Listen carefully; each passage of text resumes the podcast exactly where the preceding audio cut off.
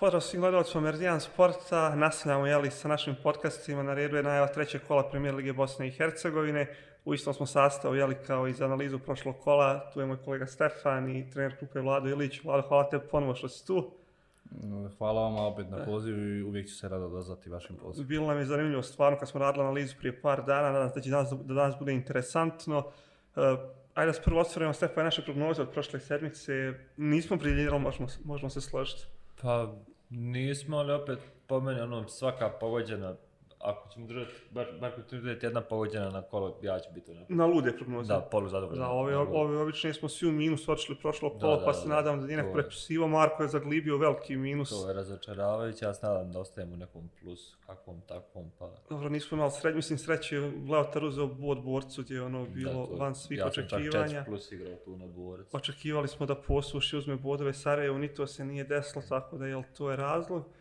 Kod ovih ludih prognoza, šta smo imali? E, ti si pogodio stabilnu internet konekciju u Prijedu. Moramo da pohvalimo da internet konekcija u Prijedu bila bolja nego u Banja Luci. Da, to je ti, a meni je bilo da u, na utakmici Tuzla City i Željezničar svi golov padaju poslije prvih sat vremena igre, što je a, ovaj put, 72. je prvi ovaj put gol. Marko nije imao u Semićeve suzi, ili tako nešto, priznamo ko prošli put. Ništa, da se okrenu odmah, jeli, narednom kol, pošto mi ovo snimamo u srijedu popodne, danas nas sve da kažemo iz vedra neba, jel, pogodila informacija da Marko Maksimović više nije trener borca, ti Stefan je bio na presu jutro, tu ćeš ti malo ja, o tome. Pa, ja prvo odmah naglasio i uopšte ne bi da tu nešto okolišam, kao što je borac kao klub danas okolišao, jedna jako nekorektna situacija, priređeno je treneru koji to prije svega nije, nije zasluženo nikako koji od načina, pogotovo rezultatima što je ostvario s ekipom sad o stilu igre, svako može polemisati, nešto ćemo se svidjeti više, nešto manje, možda taj stil igre nije nešto borac traži, ali to se opet iskomunicira na taj način, rezultati su bili tu gdje jesu, e, poslije to sve nekako ispalo u rukavicama, ispalo kao da je trener taj koji hoće da odlazi, mi smo svi već manje više mediji koji ozbiljnije prate još prije 20 do 25 dana znali da se Marko Maksimović sprema otkaz da mu se čeka taj, taj neki kiks nakon kojeg će on to opravdati. Danas se to desilo. Mislim, opet, pominjali smo u, u, u analizi prošlog kola, dodakli smo se strategije futbalskih klubova. Ovo je jedan od tih trenutaka kad je borac i kad pravi dobre rezultate, što ciklično pojava, ovaj, ponavlja, uh, dođe u takvu situaciju da odjednom odbaci sve što je uradio, da praktično pokaže da pojma nema kojim putem ide. To se čak najbolje ogledaju informacije da je e, Svedan Bočev trener koji je osvojio titul s borcem u ovom vijeku, nebitno da li to bila titula Premier Lige ili Prve Lige Republike Srpske, u sljedećoj sezoni nije da nije izdržao preko šest utakmica na klupi borca, što je, mislim, ono, taj kontinuitet koji se... Za rubriku vjerovali ne? Kako ti posmatraš? Hajde, sam prvo Vlad, pošto je pa, Vlad baš... Smo... Možda je malo nezakvalno iz pozicije trenera, ali... Pričali smo baš o analizi onog kola, koliko je bitno za Vele, šta stabilnost Sveđe Dudića, koliko ste vi u Krupi imali Slobu Starčevića, taj period, to se vratilo rezultate. Po meni, evo, borac je ono ima Marka Maksimovića, što se kaj čovjeka iz Banja Luki osvojio titulu kao igrač, kao trener, kao profil ličnosti koji bi mogao da borac vodi naredne 3-4 godine i da imaš kontinuiran dobar rezultat, ali eto, nije se desilo. Pa iskreno, za mene malo neočekivana situacija, ali opet to su vjerojatno neke stvari unutar kluba i neke stvari koje i oni znaju ili, ili ne znaju zbog čega su rade ili ne rade. Tako da ovaj, malo je nezahvalno komentarisati i ne onak da komentarišem kolege, niti da komentarišem rad e, kolega, tako da i ovaj put ću ovaj, čutati e, i, i na, na to i nema, nema potrebe da ja ovaj, polemišemo o tome da li je neko trebao, nije trebao ili neke stvari koje se unutar nekog kluba dešavaju. Moramo govoriti, ajde da, ne, da polemišemo potencijalnim trenerima, pošto će ovo izaći, ja mislim, u petak ujutro ovaj podcast, tako da možete da se među vremena neko imenuje, ali ona evo Borac će imati odgođenu utakmicu Tuzlom City, znači bit će vremena da to kogod dođe kao novi trener da to, ajde da kažemo, spremi za onaj tamo vikend. Pa, mislim, ono, nešto što se provlače informacija i što je već opet ta očigledna ustavljena forma u borcu, dešavalo se proteklih godina e, dovedi trenera koji hoćeš na klub prvog tima, postav ga na juniorsku klub i onda čekaj otkaz. Tako da Nemanja Miljanović je tu meni ukazuje apsolutno bar po toj ustavljenoj formi kao što je ovo bila ustavljena forma, nešto se već dešavalo i ponavlja se ako ćemo pratiti tu formulu po kojoj funkcionisao borac zadnjih godina, već je izgledno da Nemanja Miljanović to ime koji će se... Znaš, znaš šta me samo smeta tu konkretno, evo sad, to ti kažeš, mi smo imali informaciju prije 20-25 dana i ne samo mi, imamo i dopisnike u drugim gradovima, znači novinari u Sarajevu su znali da će Marko Maksimović vjerojatno biti otpušten ako bude imao dva, tri loše rezultate prije 25 dana. Da, i, i mislim da ovo čak idealna situacija, malo i borac je u određenim situacijama u, u, u prošloj polusezoni ulazio čak u neke sukobe i uglavnom zato koristio Marka Maksimovića da ulazi u sukobe s medijima da kaže ono što on hoće. Sad malo treba i pokazati zahvalnost koliko su svi mediji pred bitne utakmice borca zaštitili taj borac i niko nije htio da objavi tu informaciju, ako bi to svima nama Jest. često oni pričaju da mi ovo što radimo, radimo samo zbog klikova, svima je nama to klikabilno, svi mi imali puno čitanosti da smo pisali takve vijesti, vidite sad ispoštovali smo to, iako možda taj klub, da prema nama Banja Lučkim medijima jest korektan, ali opet trebamo gledati cijelu Bosnu i Hercegovinu i sve medije u Bosni i Hercegovini, svi moramo imati isti tretman kod svih klubova kao što mi ono, se, se baziramo na BH tržište i BH smo mediji, hoćemo da imamo isti tretman kod svih klubova u BH, tako da sam nek malo obrate pažnju na to u budućnosti, da ne krive nekog koji je njima mogao narušiti atmosferu. Dobro, da se nalažemo mi kritikujemo sve kad vidimo nešto negativno što smo pokazali, Pa. tako? Isto kao što pohvalimo uvijek, kao što Da. pohvali Borac posle Kluža, koliko ozbiljna utakmica je bila u Banja Luci, što je stvarno ono, bilo, ne dođeš evo 10 dana posle toga, ništa od to. Ali dobro, hoćemo da krenemo da... Pa hoćemo, mislim, još je ono, i vruća je tema i vidjet ćemo naravno šta će se dešava, tako da bolje da se okrenemo ovim redovnim temama, ovo nam malo vanredno iskočilo, ne planira. Jes, na, na ovo kolo kreće, jel, odmah, ajde kažemo, kad izađe ova emisija danas, jel, petak, Sloboda Tu, Leotar, poslije ručka. Jes, Sloboda Leotar, Sloboda iznenađujući, pa iznenađujući ili nije, ali eto, šest bodova iz dva kola imali su, ajde da kažemo, malo lakši raspored na početku, a dolazi im najugodnije iznenađenje, jeli, prva dva kola Leotar koji je uzeo četiri boda. Vlado, hoćeš ti malo da nam približiš šta ti očekuješ od Slobodi Leotaru? Otvaranje Pa, ovog kola. Generalno Tušen kao n, stadion ne očekujem nešto pretjeranu goladu na, na, na toj utakmici s obzirom na, na stil koji igraju i Sloboda i Leotar. Nije to ni pretjerano, ni jedna ni druga ekipa nisu pretjerano napadačke orijentisane ekipe i na kraju krajeva kroz taj neki defanzivni blok i tranziciju su došli u situaciju da, da, da su e, druga i treća ekipa trenutno na tabeli, ili prva i treća, apsolutno je nebitno. Uh, generalno, sloboda ove sezone je prijatno iznenadila sve nas na, u uvodna dva kola i kao i Leotar, tako da uh, vjerujem da, da, da ćemo moći očekivati neku utakmicu koja neće pretjerano puno golova ovaj, pasti na, na, isto i da, da mislim da, da, da će tu neke greške i sitne greške moći odlučiti pobjednika. Ne vjerujem da će pretjerano nešto Uh, opet se ponavljam, biti izrazitih prilika, da, da će se stvarati izrazite prilike što zbog stanja tušnja kao terena i, i vremenske temperature uh, vani, tako da nešto što ja očekujem je to da će biti vrlo tvrdo i da, da, da će pokušati na neku polu kontru ili kontru jedna druga ekipa iskoristiti protivnički kiks. Znači, realno da očekujemo nešto kao što smo gledali Sloboda Rudar u prvom kolu, pa te manje više. Pa manje više. Stefane, ćeš ti? Pa, I moje viđenje se tu poklapa, mislim, ono, Leotar je i dalje nekonkretan prema, prema naprijed i taj će problem vjerojatno povući u ovu utakmicu dok se ta pojačanja krilnih pozicija ovaj, ne spreme i, i ne budu spremni da igraju od prve minute gdje će onda moći plan igre bazirati na tome. E, slobodi se idealno sad nameće u principu ako, ako, ako zadrži ovaj pristup koji je imala do sad, ako sakrije te svoje limite koje je sakrivala do sad i ako se osloni na jake strane i počne taj napad prebacivati na 35 metara od gola protivnika na bilo koji od načina pa ga tu graditi jer ga objektivno iz zadnje linije malo teže može graditi, ne zbog nekvaliteta igre mnogom igrača iz zadnje linije, koliko zbog navika kretnje njihovih veznih igrača koji uglavnom si svi trče u dubinu dok nemaju te igrače koji će nekom rotacijom otvoriti neki prostor gdje će moći.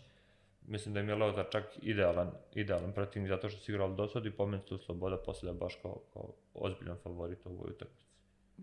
Pa, ja sam slišao mišljenja s tim, ono, bit će stvarno, ono, da kažemo, iznenađenje ako Leotar opet izađe neporađen nakon tri kola, eto, uzeli su borcu bod, dobili su radnik u gostima, tako da ne bih ni ja puno tu dodao razliku, ono, kao što ste vi rekli, manje više, jer slično utakmica kao prvo kolo, Sloboda Rudar će vjerojatno da bude Sloboda veliki posjed, Leotar će se zatvori da čeka neke kikseve ako se ukaže neka kontra i ono, ne bi se zadržavao puno na ovoj utakmici na, na Ne, ne, prognozi možemo Stefana. Prognoze, hoćemo Marka Da, prvo naš. Mar, Marko rekao da će biti 0 do 2 na ovoj utakmici. A, do Dva, moj tip je da će Sloboda dati dva ili više gola. Ajde, hoćeš se malo takmičiti stvarno ovo kola sa prognozama.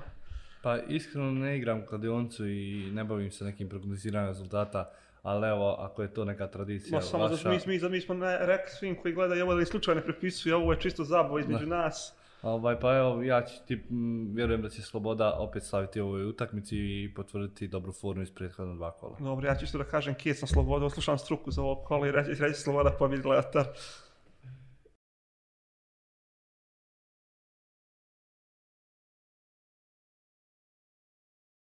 Druga utakmica u ovom kolu, željezničar poslušje, Željo, ajde mogu slobodno kažem Stefane da je Željo prva dva kola odigrao puno bolje u odnosu na broj bodova koji je osvojio, mi su pokazali više od jednog boda koji imaju trenutno, poslušje nakon pa, možda si on zaslužili makar jedan bod, ali eto dva poraza od Veleža i Sarajeva, kako tako ti vidiš u subotu na Grbavici? Pa ja bi se usaglasio sa tim, baš što se tiče pristupa, htjenja i želje, pošto i to je dio futbalske igre i to nekad zna biti presudan, iako niko od nas manje više ne voli te utakmice u kojima je to presudan moment futbalske igre.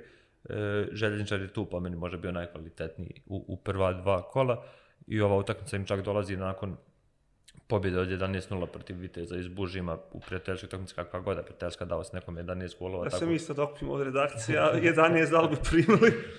Tako da ono raspoloženje je sigurno dobro, vlada dobra atmosfera, ali opet meni baš nekako ovo miriše na posluše za nepacijenti ovo utakmicu, što opet naravno, kad kažem nepacijent, posluše uopšte ne umanjujem veće šanse željezničara koje su očite, očite da ih pobjedi.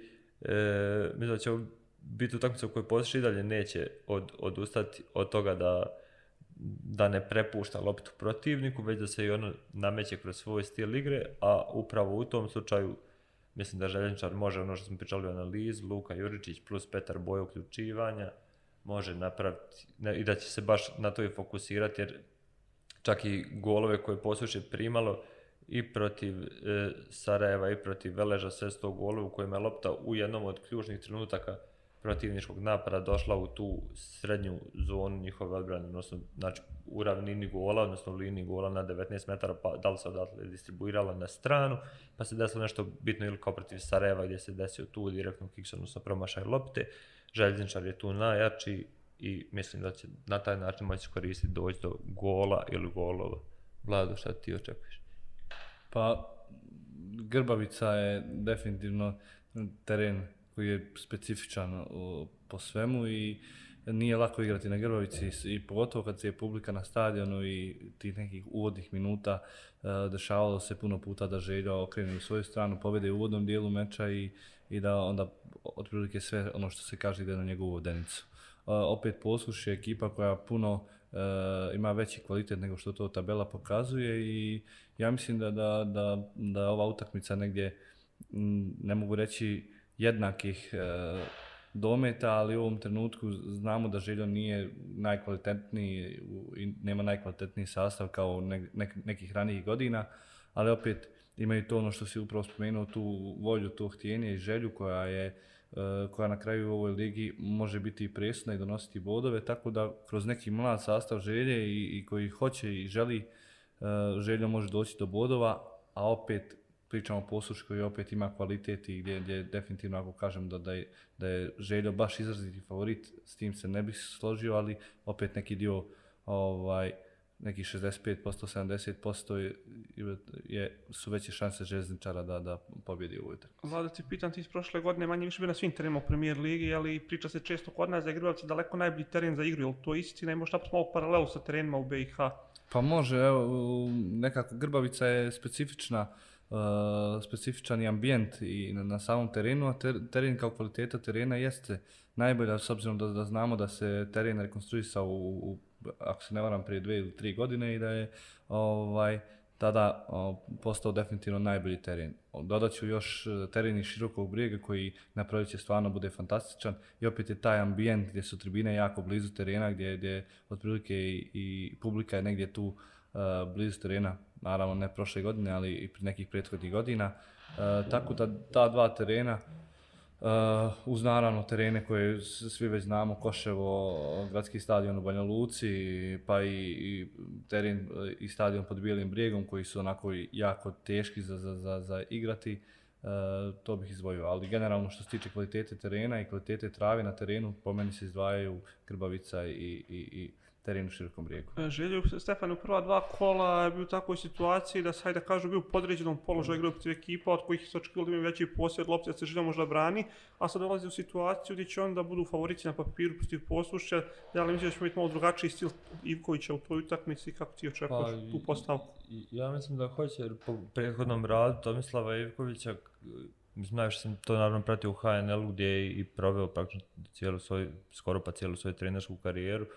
Ovaj, on je i sa dosta slabijim ekipama, odnosno klubovima slabijeg renomea nego što je željezničar, on se praktično sa klubovima s kojima se borio za opstanak, uvijek teže u tome da igra na posjed i uvijek je protiv protivnika protiv kojih je relativno mogao igrati na posjed, forsirao tu igru na posjed, tako da očekujem neki potpuno drugi željezničar, mislim da su oni čak i u pripremnom periodu, pretpostavljam da su puno više e, radili takve stvari, pripremali se za taj stil igre nego što se pripremali za stil igre kojih je čekao u prva dva kola. A ja bi samo Vlado još tebe, mislim da se dotaknemo te podloge i grbavice, koja je sad vama, na primjer, bila razlika, vi ste, imate teren sa umjetnom travom u krupi.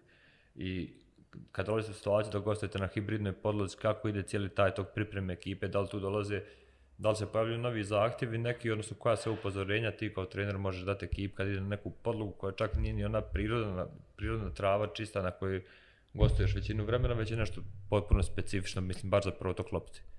Uh, pa svakako, uh, mi smo imali tu sreću i stvarno je to velika stvar jer smo svaki trening imali pokošen teren, tako da, da, da ta situacija naravno da se primijeti, ali nije lopta spora kao što se čini na, na, na generalno umjetnim travama i naš protok lopte je generalno na, na treningu i na samim utakcama bio puno brži zato, upravo zato što je teren bio mokar. I onda kad, kad dolazimo na Grbavicu, e, opet nas očekuje mokar teren i opet i taj protok lopte je brz, pa smo mi negdje i na treningu samo navikli. Ali definitivno da je drugačije igrati i da je, da je e, nije isto kad treniraš na jednoj podlozi i, i igraš na drugoj, tu se objektivno mogu pojaviti problemi. Uvijek se sjetim e, Amara Osima kad to pričamo, pa negdje prije Tuzla City, ako se ne varam, kad smo igrali pretesku utakmicu Zenci, on kaže, dolazi vam Tuzla City na ono vašu travu gdje lopta skače ovako ili onako, možda bi mogu tu nešto i, i, onda stvarno smo mi primili, po- vodili smo cijelu utakmicu i na- u 93. minutu smo na kraju primili gol, ali smo sve u taj bod i na kraju se taj bod ispostavio kao, kao presudan. Tako da specifično je kad su različite podloge u pitanju i, i teško je naći teren uopšte u Bosni i Hercegovini da, da kažeš da je približnih kvaliteta kao teren na kojima ćeš igrati. Evo, mi u Banja Luci smo svjedoci da, da ne možeš dovoljno da se pri- pripremiš ni na jednoj podlozi e, na ono što te čeka. Iako odeš na prirodnu travu, odeš na travu možda koja je malo viša i travu koja je malo sporija i ne daje ti pravi ambijent koji će te čekati u, za vikend na, na, na, na utakmici i na, na e, samom tom terenu na kojem ćeš igrati. Stefane Hrupa, Tuzla to je bila fantomska utakmica, fantomski crveni karton za Tuzla, ili tako? Kada je bio nije crveni karton, statistika nije ga bilo. Da, da, Ja da, mislim da je to da, ta utakmica, ako se ne varam. To je ta naša novinarska, s- skautska služba je tu malo Da, ono je baš bilo situaciju, na, interesantno. kraju, na kraju taj gol Brkića. Mislim, Nesrećan po vas u tom trenutku, ali hoćemo li na prognozu? Oh, hajde, hoćeš ti Stefane prvi sad. E, Marko je rekao iz Keca, ukjes na želju poslušati. Marko iz Keca u Kec, ja ću reći iz e, X-a u Kec. Hoćeš ti Vlado? Pa vjerujem da, da, da će Želja potvrditi ulogu favorita i slaviti ovu utakmicu. Ja idem ovdje GG3+.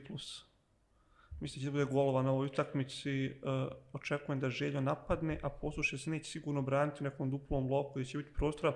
Razmišljao sam da li poslušaj daje gol, ali ajde idemo GG3+, malo jaču kvot, moram te stići nekako.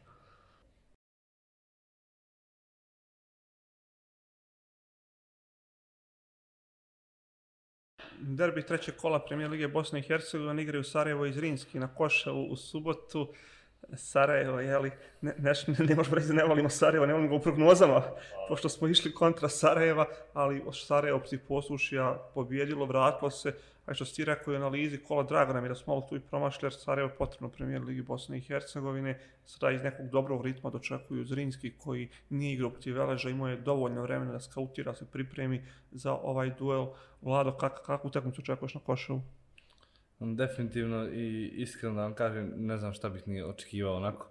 E, ako pogledam Zrinski kad smo ga gledali u nekom pripremnom periodu, E, pogotovo utakmicu protiv Hajduka, tad me oduševio Zrinski i način na koji su igrali, a opet, evo, prošlo kolo su e, napravili pauzu, nisu igrali, možda to malo zna se desiti da, da, da ispadneš iz ritma.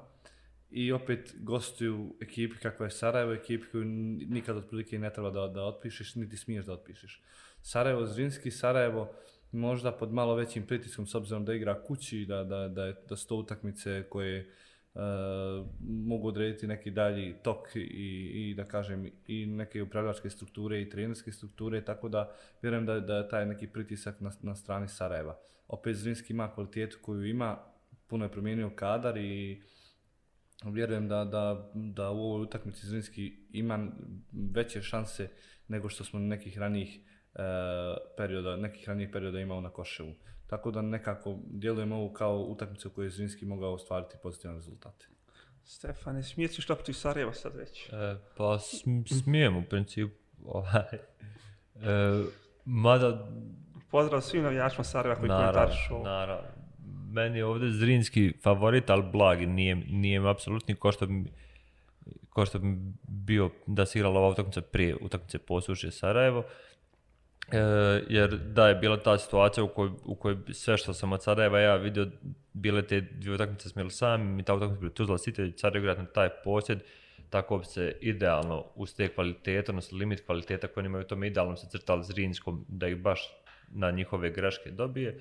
Ovako očekujem jedan Okomić Zrinski, mislim, najkomitiju ekipu u, u ligi, vjerovatno, kad imaš igrača kao što je Dragan Juranović koji to može iznijeti, sasvim logično ćeš to igrati.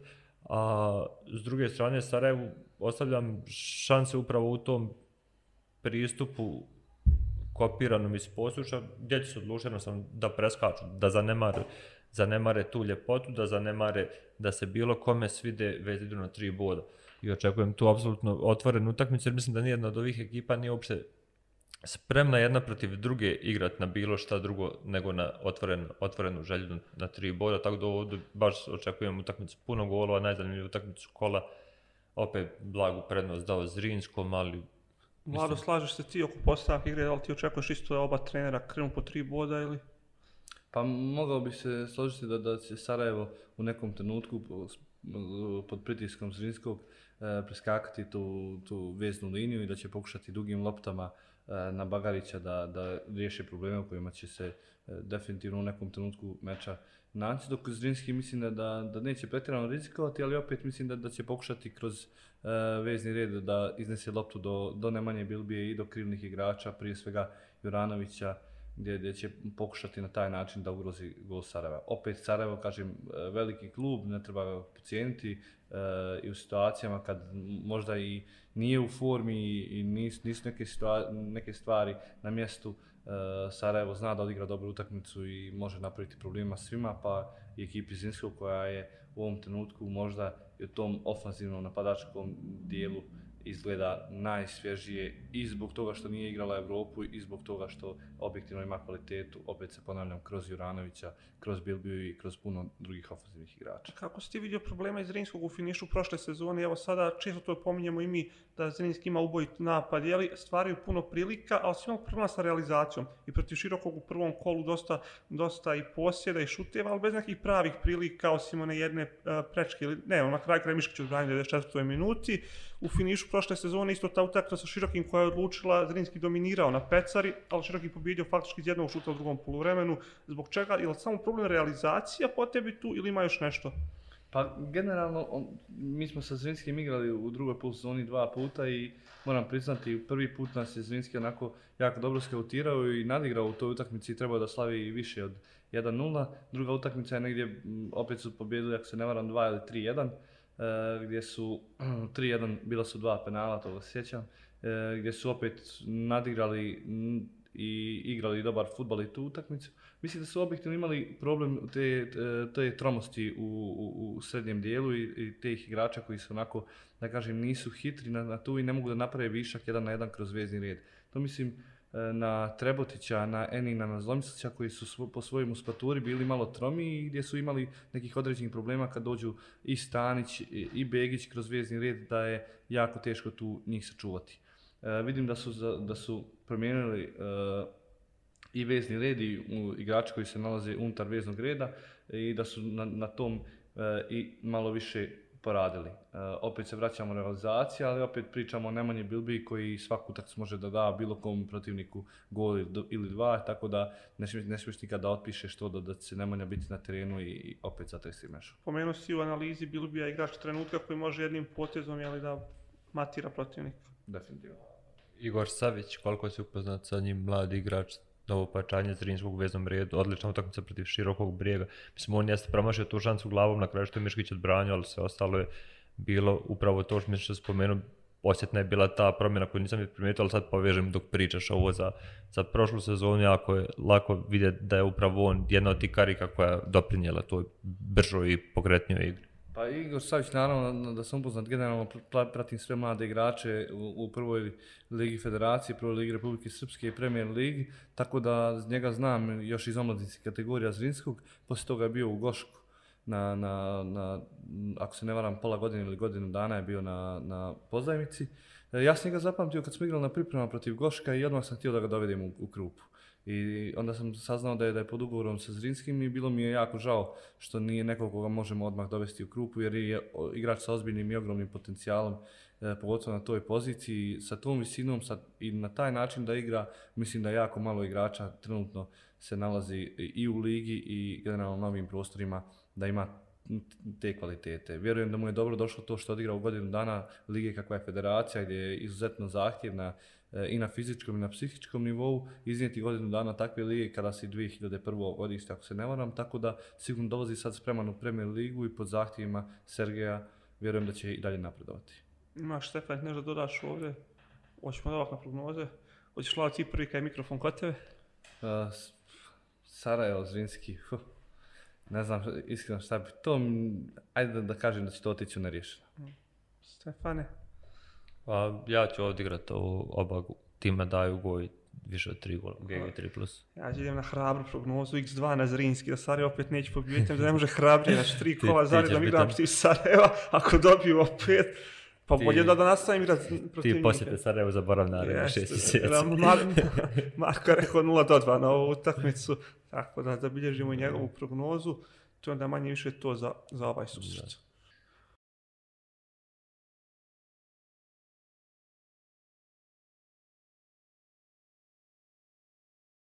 Program u nedelju, jeli, u stvaru nedelju imamo samo jednu utakmicu premijer Lige BiH, pošto je Bora Tuzla City odgođeno, široki radnik, gledamo u nedelju, kolega, izvolite. Ljepotica na pecar. E, Pa sad, Znači- znači, to nam je naslov, jel ne? Da, to, to će biti poezija Jurilja Ikića. Jedva čekam da malo odmorimo nakon ove naporne subote koja će biti premijer ligaška ovih teških sudara na terenima što očekujemo da će biti malo ovaj, apsolutno ljepote od strane jedne ekipe samo ako vrijeme posluži, ako teren bude super pripremljen, nema razloga da široki još motivisan nakon svega i još sad s tom šokantnom vijesti, odnosno ostanku Mate Stanića u širokom brijegu na kraju i Miškovićevom riječkom poslovanju koje je propalo.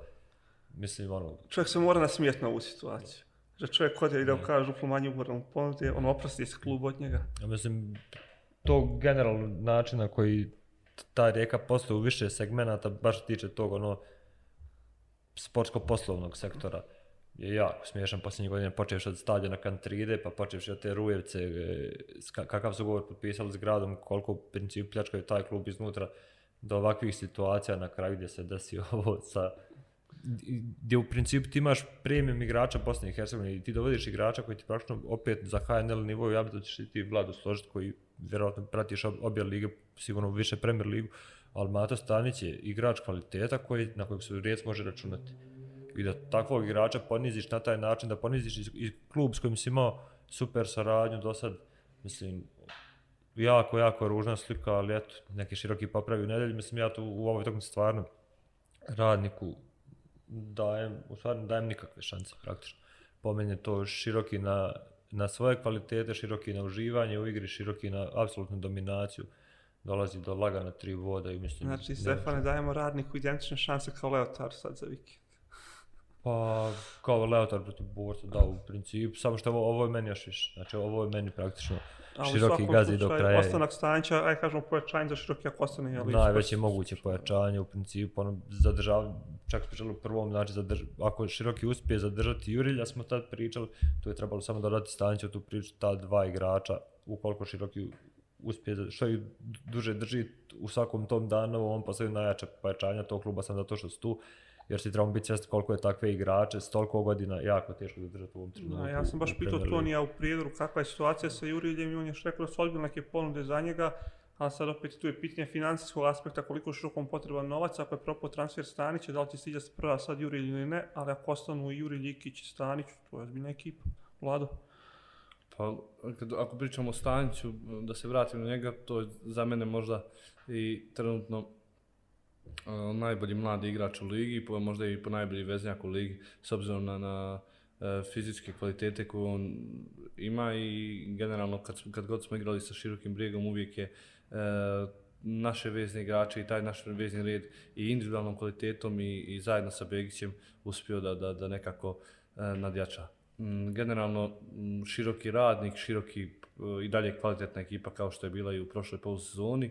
E, nisu nešto pretjerano puno mijenjali, e, zadržali se tu okosnicu i kostur ekipe i vjerujem da, da će na, na zasluženo i mislim bez ikakvih dilema slaviti. Opet radnik će doći da se brani, da odbrani taj bod ovaj, u širokom brijegu, ali ja ne vidim način na koji radnik može da izdrži pritisak širokog brijega svih 90 minuta. Vlado Radnik izgubio kući od eh, Leotara, izgubio kući od Slobode. Kako sad trener možda priprema tu utakmicu kad ide u široki? Znači izgubio si dvije utakmice, treba se boriš za bodove kući, sad trebaš u gospa nešto da odigraš, da očekuješ neki dupli blok da postave, pa ako se posreći za bod. Pa to je generalno, opet se vraćam na taj psihološki e, pritisak, da si napravio nešto u prva dva kola, sad bi bio išao i bio bi rasterećen, išao bi u široki brijeg rasterećen. Sad opet imaš neki pritisak da moraš da osviš neki bod, s obzirom i na Rudar koji već osvaja bodove, Leotar koji osvaja bodove, tako da ovaj, definitivno nije lako motivisati ekipu, jer rekao sam i, on, i prošli put kada sam bio ovdje, kad nema rezultata počinješ da sumnjaš u sve i, i svi unutar kluba počinjaju da, da, da sumnjaju i u svoje kvalitete i kvalitete sa igrača, trenera, e, nebitno čistačica, generalno kad nema rezultata e, otkrivaju se i neka druga lica i neke druge pojave unutar Eh, kluba, tako da m, definitivno teška situacija za radnik, eh, e, utakmice igraš kući dve protiv direktnih konkurenata, ne napraviš ništa, ideš širokom brijegu gdje objektivno možda je jedan od najtežih terena za gostovanje u ovom trenutku. Da li upravo to sad Vladi Jagodiću i generalno treneru koji bi se našao u toj situaciji daleko najveći izazov psihološki da ekipa pokuša da vjeruje da je i dalje moguće ili nešto drugo potrebi? Definitivno jako teško zadržati e, vjerovanje u to što radiš i vjer, da, da, da ti ljudi s kojima radiš i slačionica generalno vjeruje poslije e, ne baš sjajnih partija, složit ćemo se svi u, u, u Bijeljni i definitivno da na tom psihološkom planu se mora poraditi kompletnu sedmicu eh, da, da igrači opet i poslije dva poraza vjeruju to da mogu da naprave pozitivan rezultat, a da nisu, da kažem, već u prva dva ili tri kola sve lađe po tome. A recimo kada recimo Širok ima situaciju kako ima u Prijedoru da bi imao bolja ekipa da je zaslužio tri boda i onda tu ispustiš, ne pobjediš u finišu, ako mogu izgubiti, ali ne osvojiš tri boda i sad očekuješ tog protiv radnika kući. Da li je ekipa još, hajde da kažemo, naloženija pred tu utakmicu protiv radnika da se iskupi za taj kiks ili može da utiče negativno psihološki po tebi?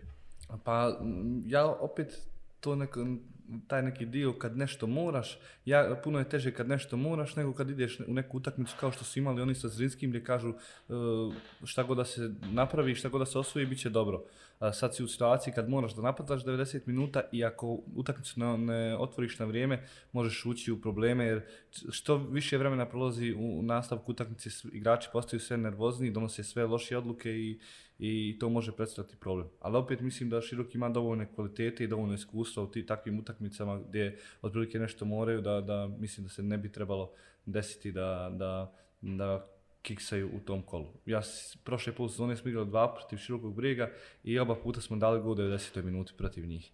A, Ovaj, to, to je neki zanimljiv podatak i, i generalno Široki poslije toga se dizao i, i te, te utakmice koje je imao poslije nas uh, pravio dobre rezultate, na kraju izborio plasman u Evropu. Stefano, ćeš o radniku koju da kažeš?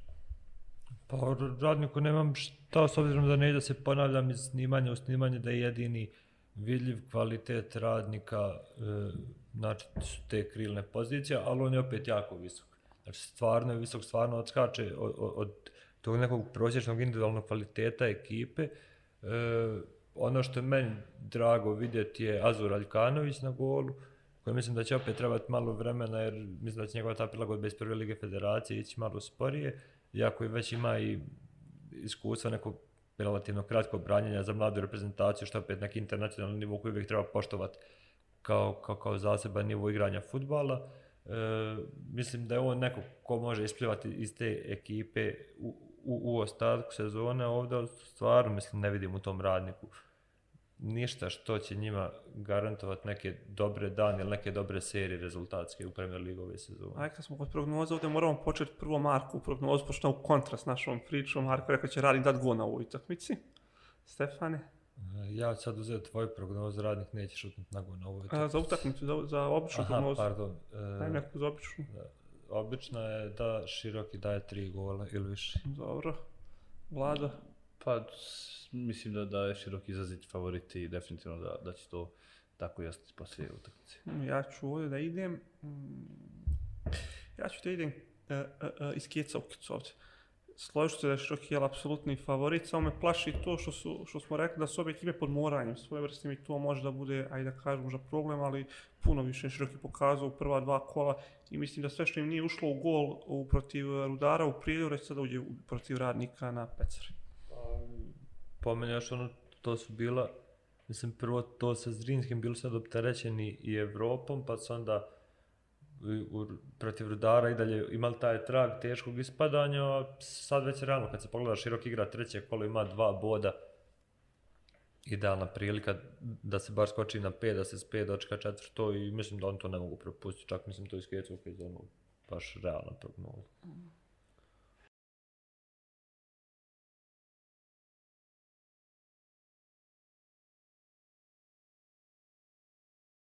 Baš kao i u prvom kolu, Velež zatvara ovu rundu takmičenja u ponedljak veče utakmica protiv Rudara ovaj put. Velež će to doći posle Evrope, ne znamo kako će Raptivajka, pošto će ovo da izađe nakon tog susreta, ali u svakom slučaju kako god da završi to u Atini, Velež je hrabro odigrao jedna od najboljih utakmica nekog BH kluba u Evropi u 21. vijeku. Doći im Rudar, hajde da kažemo, pa u situaciji Velež bi apsolutni favorit kako god to da prođe. Rudar sa druge strane, izvuko bod protiv širokog, mogu i tri da uzme, mogu i da izgubi. Kako Stefan ti utakmicu vidiš? Pa, po mene ja prvo samo rođenima našima poželio puno sreće da se vrate ćelovi svi sa Tine. A... Pošto su jeli obećali da su šišaju svi ako prođu dalje.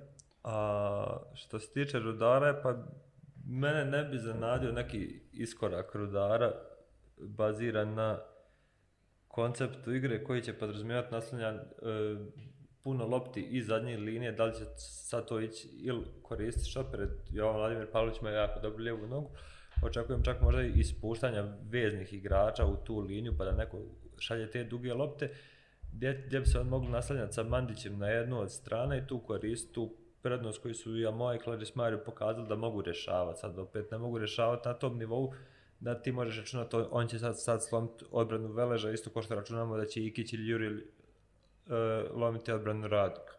A mislim da će Rudar ući nešto otvorenije, Garder ovo je baš utakmica u kojoj on stvarno nemaju šta izgubiti ovdje, čak mislim 2-3-0 da izgubiš, ok, mislim ono, gostuješ Velež koji je trenutno u najboljoj formi u Tuzla, Tuzla City u BH futbal, samo što je Velež pokazao formu protiv Ajka, što Tuzla City nije ni imala priliku. E, opet mislim da će puno zavisati te evropske utakmice, u slučaju da se desi prolaz Veleža, mislim ono, kome će uopšte biti bitno u tome. Pošto nismo pričali, pošto u analizi kola nismo mogli da pričamo o Veležu jer nisu igrali protiv Zrinskog tu utakmicu, ovdje trebamo reći koju riječ protiv Vajka, ono stvarno je bilo da ti dođe jedna takva ekipa i da ti nju nadigraš, da možeš dobiti 3-1, ono sasvim da bude realan rezultat, stvarno ono impresivno. Fantazija, po meni pogotovo fantazija mi je i obraćanje Dudića baš za, s našim dopisnikom je razgovarao. E, Pozdrav Zlaj. ju, juče ovaj pred utakmicu i e, bio je jako, jako svjestan svih onih stvari koje njegova ekipa nije radila dobro i baš je akcentovao da, da, da su to stvar, mislim, direktno branjenje prekida i direktno E, mislim sad ovo je za BH futbal novi pojam, vjerovatno za većinu klubova. Ja mislim, postoje klubovi koji se uopšte nisu blizu, se mogu baviti tim. Znači, linije kretnje pri izlazu u tranziciji, u trenutku kad se lopta osvoji na sredini terena. Znači, Dudić je oštro kritikovao svoju ekipu zbog toga što nije ispunila taj zahtjev i radio to svih 7 dana. Znači, oni se praktično spremaju da oni idu tamo i da oni Prođu prođu. Ajak.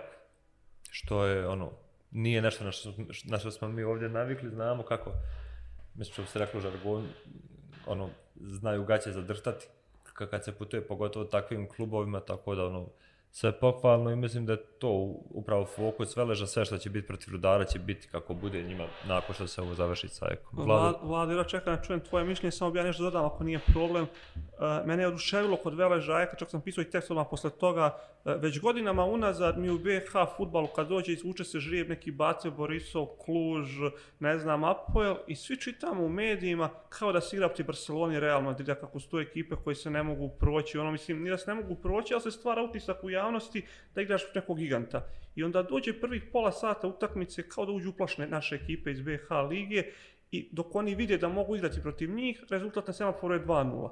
E, i dođu treneri prije utakmica isto tako daju neke izjave, e, veliki je protivnik, teško ćemo da prođemo, ovo ono, i onda dođe Feđa Durić prije Ajka i napravi jednu preskonferenciju potpuno suprotnu od svih i dođe i kaže ne igramo protiv vanzemaljaca, daćemo 100%, ne 120% jer je to nemoguće, mi vjerujemo, mi možemo da ih pobjedimo.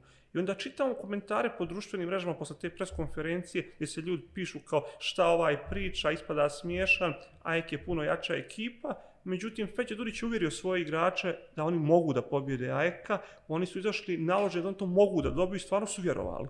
I to je stvarno po meni preduslov jedini način kako ti možeš da napraviš iznenađenje ne samo u futbolu nego u svakom sportu. I onda Velež izađe i nadigra AEK. I kako god da završi ta utakmica u Atini, on su prijedli tih 90 minuta ono za uživanje svakom svom navijaču. Pa slažeš se ili nešto dodao tu?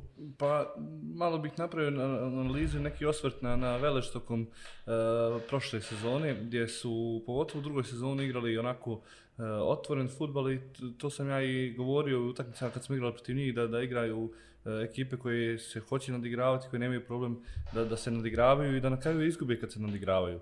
E, Problem generalno BH klubova koji se plasiraju u Europu je to što su dominantni u našem prvenstvu kroz cijelu sezonu i onda dođeš u utakmicu u kojoj e, ne pokušaš uopšte i ne želiš da budeš dominantan ili bar na trenutke da pokušaš da budeš dominantan. Obično se to svede na zonsku odbranu u centralnom dijelu terena ili toj srednjoj zoni gdje, gdje se braniš u zoni 4-4-2 i, i puno trčiš, puno radiš, a objektivna ekipa prije toga nije navikla to da radi. Ako dođemo u situaciju da gledamo, na primjer, Sarajevo koje kroz cijelu sezonu bude dominantno i, i većinu tih e, vremena provede na protivničkoj polovini i onda bez potrebe se vrati u, u srednju zonu na svoju polovinu i tu se brani, a objektivno ti igrači nisu navikli e, da se brane tu gdje se brane u evropskim utakmicama. Ne možeš ti da igrače koji treniraš godinu dana da se brane na, na protivničkoj polovini koji se brane visoko ili u visokom presingu, da za sedam dana naučiš i da vratiš njihova ponašanja na, na neku zonsku odbranu ili branjenju u niskoj ili srednjoj zoni. Tako da mislim da je tu Velež napravio veći iskorak od bilo, bilo kog kluba upravo u načinu branjenja i, i zoni u kojoj se brani. Vele se nije libio da izađe visoko, da se trka s njima unazad upravo zbog i brzine i Darija i e, Ćosića e, na bekovskim pozicijama i tu je napravio onako neku prevagu. Eh, ušao je bez straha, eh, svjestan da može da napravi rezultat i svjestan da nema šta da izgubi u toj utakmici. Eh, mislim da je najbitnije u, tom trenutku da igrači vjeruju u to što trener priča, jer koliko god da protivnik s druge strane jeste jak, jeste izraziti favorit, e, treba da, da svi znaju da i taj Velež ima kvalitetu i da ti igrači koji se nalazi unutar e, Veleža imaju kvalitetu. Ako izolujemo igrače kao igrače, mi možemo tom Radovcu pričati koji je bio potencijal da igra u možda u Ligi Petice čak, ali trenutno i danas se nalazi u Veležu i pokaže, pokazuje taj potencijal. Isto tako možemo e, analizirati, ne znam, Zajmovića koji je bio uh, vani i sada se vratio u Velež, isto je pokazao da, da ima određenu kvalitetu. Ili igrače poput Ćosića eh, o kojima se raspituju uh, neki evropski klubovi. Tako da e, jako je bitna ta stvar da, da generalno igrači i svi, svi igrači koji su na terenu vjeruju to da mogu napraviti rezultat, e, ne brane se u niskoj zoni, ne čekaju da prime gol pa da onda počnu igrati, nego izađu visoko i igraju bez straha i naravno da, da je to rizičnije, ali opet samo ako igraš rizično protiv Ajeka, možeš da daš dva gola i da pobjediš. A zašto u prošlost to nismo vidjeli? Zašto u prošlost tako ne izađu ekipe i to isto ne urade? Je li manjak samopouzdanja u svoje sposobnosti ili...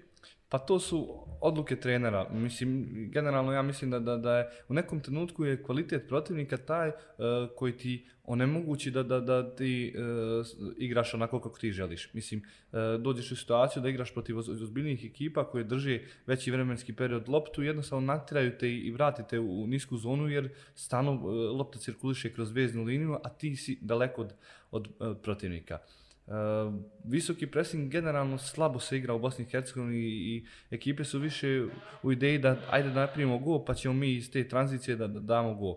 Uh, isto tako ja sam imao određenih uh, sumnji i puno ljudi je govorilo ma, kako igraš, zašto igrate visoki pressing, ko to još igra u Bosni i Hercegovini, primćete četiri gola svaku utakmicu, a ti generalno ako izađeš u visoki pressing, jako je malo broj ekipa u Evropi koji mogu, mogu da izađu iz tog visokog pressinga. Pa i na primjeru Veleža koji je 70 ili 80% utakmica u Premier Ligi dominantan upravo zato što se ne povlači na svoju polovinu nego izlazi visoko i osvaja lopte u, na protivničkoj polovini i tad i postiže golove. Ja bi samo još, još postavio tebi jedno pitanje iz ovog prvog što je Miroslav ovaj, pitao sam našao, ono, kao, našao sam pitanje u pitanju. Koliko je tebi danas kao mladom treneru u Bosni i Hercegovini, kad je Miroslav spomenuo to, e, Feća Dudić izađe sa samo inovativnim odgovorom na preskonferenciji, odnosno inovativnim pristupom, što ne treba da bio inovativni čovjek, samo rekao ono što misli o toj utakmici, i nađe na takve osude javnosti, e, kako je tek tebi kao mladom treneru, mi smo živali s ovom na preskonferencijama jer je bio trener s kojim smo mogli pričati direktno o futbali i odgovorati na futbalska pitanja, nisam se izmotavao s pričama, lopta je okrugla, e, vidjet ćemo hoće li pas snijeg u maju ili, ili slične stvari. E, na, kako se ti nosiš tim pritiskom kad znaš da sve što uradiš drugačije, pogotovo na osnovu tvojih godina će naći, doći na neku vrstu osude. Mislim, počeviš prvo od ljudi tvoje generacije koji te neće doživjeti ozbiljno, koji će po to mentalitet društva pokušava da te sputavaju u tom što radiš. Kako ti funkcionišeš i gdje tu vidiš prostora i misliš da se to može mijenjati, na primjer, na osnovu tvog primjera? Pa, e, jako je teško, po meni kad pričaš o tim komentarima na sve to, jako je teško mijenjati e, svijest nekog naroda i svijest ljudi koji objektivno Eh, uh, orbitavaju u tom nekom, da kažem, ne baš povoljnom ambijentu u, generalno. I sad dođeš u situaciju, ja to uvijek spominjem taj primjer, Novak Đoković koji je definitivno najveći e, srpski ambasador svih vremena i čovjek koji je možda i vjerovatno je najbolji tenisir u istoriji tenisa i za sve nas koji smo sa ovog dijela Europe najbolji tenisir svih vremena. E, kada izgubi jednu, jedan meč, E, 50% nacije ga pljuje i kaže da li je namistio, pa ne znam, priča se o njegovu plaćanju ili plaćanju poreza i svim tim stvarima. Čovjek koji je apsolutno najveći sportista Srbije, vjerovatno svih vremena i čovjek koji je toliko puta Srbiju predstavio u lijepom svjetlu, e, je e, poslije jednog meča lošeg ili jednog turnira lošeg pljuvan od istog tog naroda. Ako budemo se osvrtali za svim tim e, stvarima i ako budem gledao komentare ko je šta napisao, a većinom su tu ili ima jako puno profila koji su ajde da kažem, lažni profili i ljudi tu komentarišu zbog popularnosti objave i svega toga, onda mislim da će cijeli dan vjerovatno trebao provesti na društvenim mrežama. To što neko radi nešto drugačije nego što je, što smo navikli i u nekom ranijem periodu ili to što je neko mlađi krenuo u nešto, to apsolutno ne znači da to nije kvalitetno i da to ne treba da, da se nastaje raditi. Pa vjerujem da, da, je, da je se Najgosma sa 27 godina pojavio u BH Premier League, pa, pa pola Premier League ga pljuvalo i reklo ma kako će on, šta će on, a on za, za tri ili četiri godine izađe u izrastu najboljeg mladog trenera u Evropi, definitivno i trenera koji će vrlo vjerovatno biti proglašen za najboljeg, naj, najboljeg trenera uh, u narednih nekoliko Kad godina. Kad si to pomenuo, vidio sam da je Salzburg imenovao sad novog trenera, isto nešto ultra mlad, ako nema čak isto 27-28 godina, bio je pomoćnik uh, u ovom Zornigeru, mislim u Dansku, nekšto bio trener Stuttgarta, i sad ga je Salzburg imenovao za prvog trenera, bio je prije toga, mislim, trener Lieferinga, ove razvojne ekipe Salzburga, što samo pokazuje koliko u Njemačkoj vjeruju mladim trenerima. Vidjeli smo i u Bundesligi u zadnjih godina da su davane prilike, ne znam, Tedesco u Šalke, i bilo je primjera se da sa 30-35 godina, a kažeš kod nas je trener do 40 godina zelen, a, onaj preko 60 je mator i ono, o čemu mi pričamo onda? Pa definitivno, mislim sad je to novi trend u Europi i to vidimo na, na svim primjerima i čak je trend taj da, da treneri ne moraju biti neki uh, proslavljeni igrači. Naravno, opet se vraćamo na Lamparda ili Steven Gerrarda koji su pravili rezultate, ali opet imaš uh, trenere protiv, uh, poput Nagelsmana koji iza sebe ne, nema ozbiljniju karijeru i, apsolu, i počeo se baviti trenerskim poslom sa 21 ili 22 godine. Ili I, Murinja da pomenemo isto koji ono Pa, mislim da se čak za, za Mourinho, da je Mourinho igrao u portugalsku ligu nešto tako malo, nešto. ali opet počeo kao prevodilac Da, u Barceloni, jeste. ali Jeste, ili meni je uvijek specifičan primjer e, Marka Nikolića e, i znam da je on, mislim, ako se ne varam, sa 21-22 godine počeo da radi u radu kao trener mlađih kategorija i izrastao sada u trenera koji vodi lokomotivu i pravi ozbiljne rezultate sa loko- lokomotivom. Tako da e, moramo da izbacimo predrasude u, u tome da neko mora da, da bude dobar igrač, da bi bio dobar trener, jer to apsolutno vidimo na, na posljednjim primjerima da ne mora nešto, ali da naravno je puno lakše ako si bio dobar igrač da, da, da ćeš biti i dobar trener, ali opet nije pod moranje. Ja sam isto apsolutno saglasan s tobom, ne samo za futbal i sport, nego generalno u životu. Kod nas se vrlo često uh, sve gleda kroz predrasude, kroz broj godina, a to u suštini nikad, mislim, makar meni lično nikad nije bitno, jer ono, gledaš kako, koliko neko zna i koliko je njegovo umijeće da to, jeli, predstavi, a kod nas je ono, Praktično ne moraš uopšte biti dobar konj da bi bio dobar jahač konja. Tako da, Aj, puno smo, puno smo skrenuli s utakmice, ću se vratimo na prognoze, jel, za kraj, koja je utakmica, Veleš Rudar, jel? evo Rudar. Veleš Rudar, evo ja ću se nadovezati i vratit ću se samo kratko. Veleš Rudar definitivno e, ekipa koja neće odgovarati e, Veležu e, najviše zbog tih Eh, te brzine koje imaju prema naprijed, da to se odnosi na Mandića, Amoaha, Jakupovića koji će mm, definitivno moći praviti Rudaru probleme, pardon, Veležu probleme ako Velež izađe visoko, a vjerujemo da hoće. Tako da ostaće puno prostora iza njihovih leđa, a što definitivno Mandić zna da iskoristi zajedno sa Jokupovićem i, i Amoahom, tako da uh, mislim da, da, da, da, da, će, da se Rudar ima čemu nadati u ovoj utakmici. Znači, misliš da neće Veleš pobijediti ili? Pa ne bih rekao da Velež neće pobijediti, ali e, ne bih rekao da, su, da Rudar ima neke e, minimalne šanse kao što smo Da, rekli sad. prognozu da upišemo 3 plus nešto golove, nešto, moram nešto upisati. Pa vjerujem da će Rudar dati gol, ajde To, tako. Može. Stefane, ajde, ja ću pokušati opet napraviti mali skok da vam pobjegnem, pa ću ići sa x2 na rudar, ako mi se to posreći, bit će super. e, Marko napisao iz Keca u Kec, ja Da, mislim, da, da. Ja, ću, ja ću da vjerujem Marku, ja ću reći iz Keca u Kec, iako se slažem da bi mogla biti nezgodna utakmica, pogotovo posle puta iza Tine i zavisno od rezultata, tamo pogotovo ako bi Veleš prošao, ajde tu će da dođe do emotivnog pražnja samo tako, ali ajde idemo, je li tu iz Keca u Kec.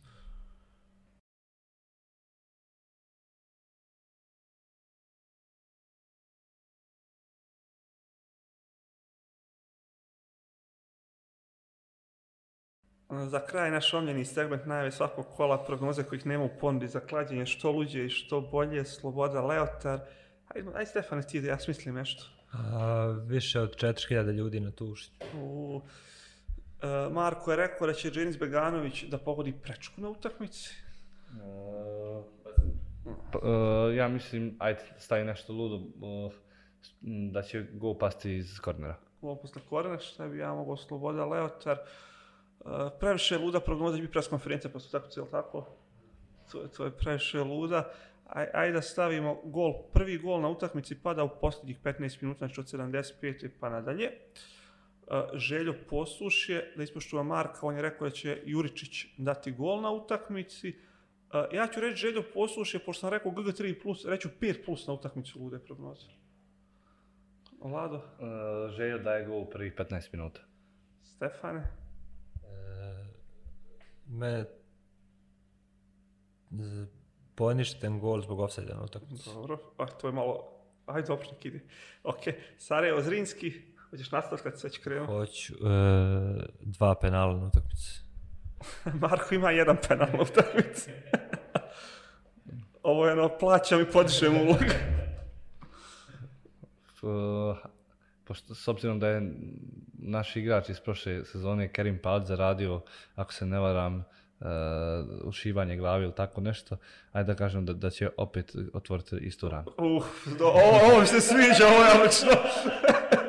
Šta posle ovog reći, Bog te. E, ajde, ja nešto za heraški, mislim za heraški. Bilbija daje gol. Uh, široki radnik, evo da ću ja prvi, kiša na pecari. Možda si najavio lijepo vrijeme, ja ću kiša na pecari. Uf, šta, uh, široki radnik, uf. Preko, preko 20 faulova. Uh, Marko je napisao 30 Radnika. više faulova. Radnika. Koliko, šta je Marko? Marko je 30 ili više faulova Pa nije to za. BH Premier League prosjek je 34-35. Jel? Ovo se- ćemo mu za, pustimo ga ovaj put, ali ovo ćemo... Ne, sad ćemo 50 plus, ono, Pa- ispravit ćemo. Ja bi stavio, pa 50 bi ja stavio. pa realno, pa ove naše sudije sviraju faul na javu svaki maj. Šta smo gledali prošle godine, smo brojali na nekoj utakmici, ja mislim da je čak bila Krupa radnik, kad je sudija u prvom polovremenu prosječno svirao na svaki minut i 13 sekundi je svirao Čekaj, faul. ovdje je realno radnik 30 plus faulova na utakmici. Meni je široki radnik crveni karton ko kuća za radnik, znači to uopšte nema rasprave. Šta nam ostaje još? Velež Rudar. Rudar, Velež, Velež, Rudar. Šta je Marko napisao tu? Ajde, skontat ćemo Marko posle. Da će nešto Rudar za imat manje od dva šuta na utakmici. Ne, ne, ne, znači 0 ili 1 šuteva Rudara na utakmici. Ja ću uh, gol direktno iz slobodnog udarca. E, ukrao si mi, pro- nije, nisi fair. Ajde, dobro, ne vezi. Smislit ću nešto drugo. Ja tipujem na, na uh, prošlogodišnjeg špica Krupe, Mandić daje gol. Mandić daje gol. E, e, e, ja ću gol sa jedno bar 20 metara, recimo. Pošto ne, pošto ne mogu dobijem slobodan udarac, mogu nešto slično. E, mislim da je ovo bilo stvarno interesantno i poučno. Prvo, Vlado, tebi hvala još jednom. Ja sam uživo ove dvije analize s tobom. Nadam se bih prilike opet da budeš kod nas u studiju, nam pomogneš, jer vrijedi čuti što što govoriš, pogotovo kao nekoj koji ima iskustva prošle godine u premijer ligi. Ono, ima smisla što govoriš i vrijedi čuti. Hvala vam na pozivu, vjerujem da, da će biti još, još prilika da se družimo. Stvarno dobra emisija i stvarno ono, i nekog, ja sam nekog ko prati, ali neke podatke e, ipak ne znam i, i lijepo je saznati nove stvari kad, kad sjedimo svi zajedno. Hvala na šalu, hvala na dres koji ste nam donio. Tako da ne mislim neko što smo stavili, dobili smo na poklon, zato smo stavili. I to je manje više to opet, ono kažemo na kraju je komentarišite, kritikujte, više volimo kritike, na nego pohvala se ispravljamo i to je manje više to. Šerujte ako imate gdje, pa se jeli, gledamo sljedeće sedmice, mene nema sljedeće sedmice, jer Marko se vraća na tu poziciju, ja idem tamo gdje je Marko, da, da stvar neće gdje je Marko, je na un trenutno, jeli, moram nešto bolje, ili planina ili more. Tako da to je manje više to, ostanite jel, u sve naše kanale, čitajte portal, pozdravljamo.